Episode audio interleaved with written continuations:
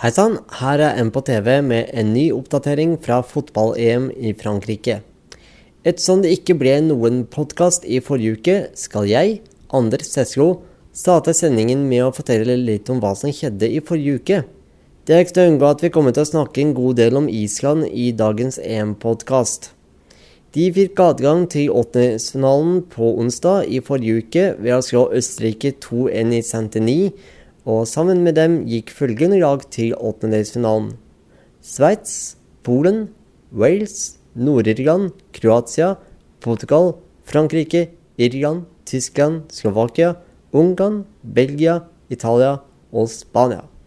Åttendedelsfinalene ble spilt i perioden 25. til 27. juni, og herfra gikk følgende land til kvartfinalen. Polen, Portugal, Wales, Belgia, Tyskland, Italia, Frankrike og Island.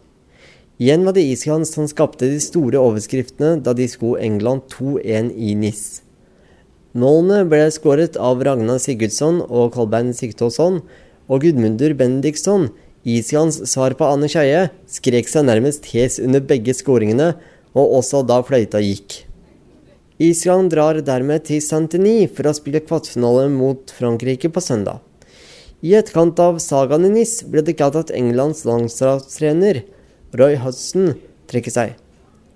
Englands farvel til EM kom kun tre dager etter at det britiske folket sa nei til videre medlemskap i EU, og kan dermed ses på som den andre brexiten denne sommeren. Så da er spørsmålet hvem spiller mot hvem i kvartfinalene? Vel, her får du svaret.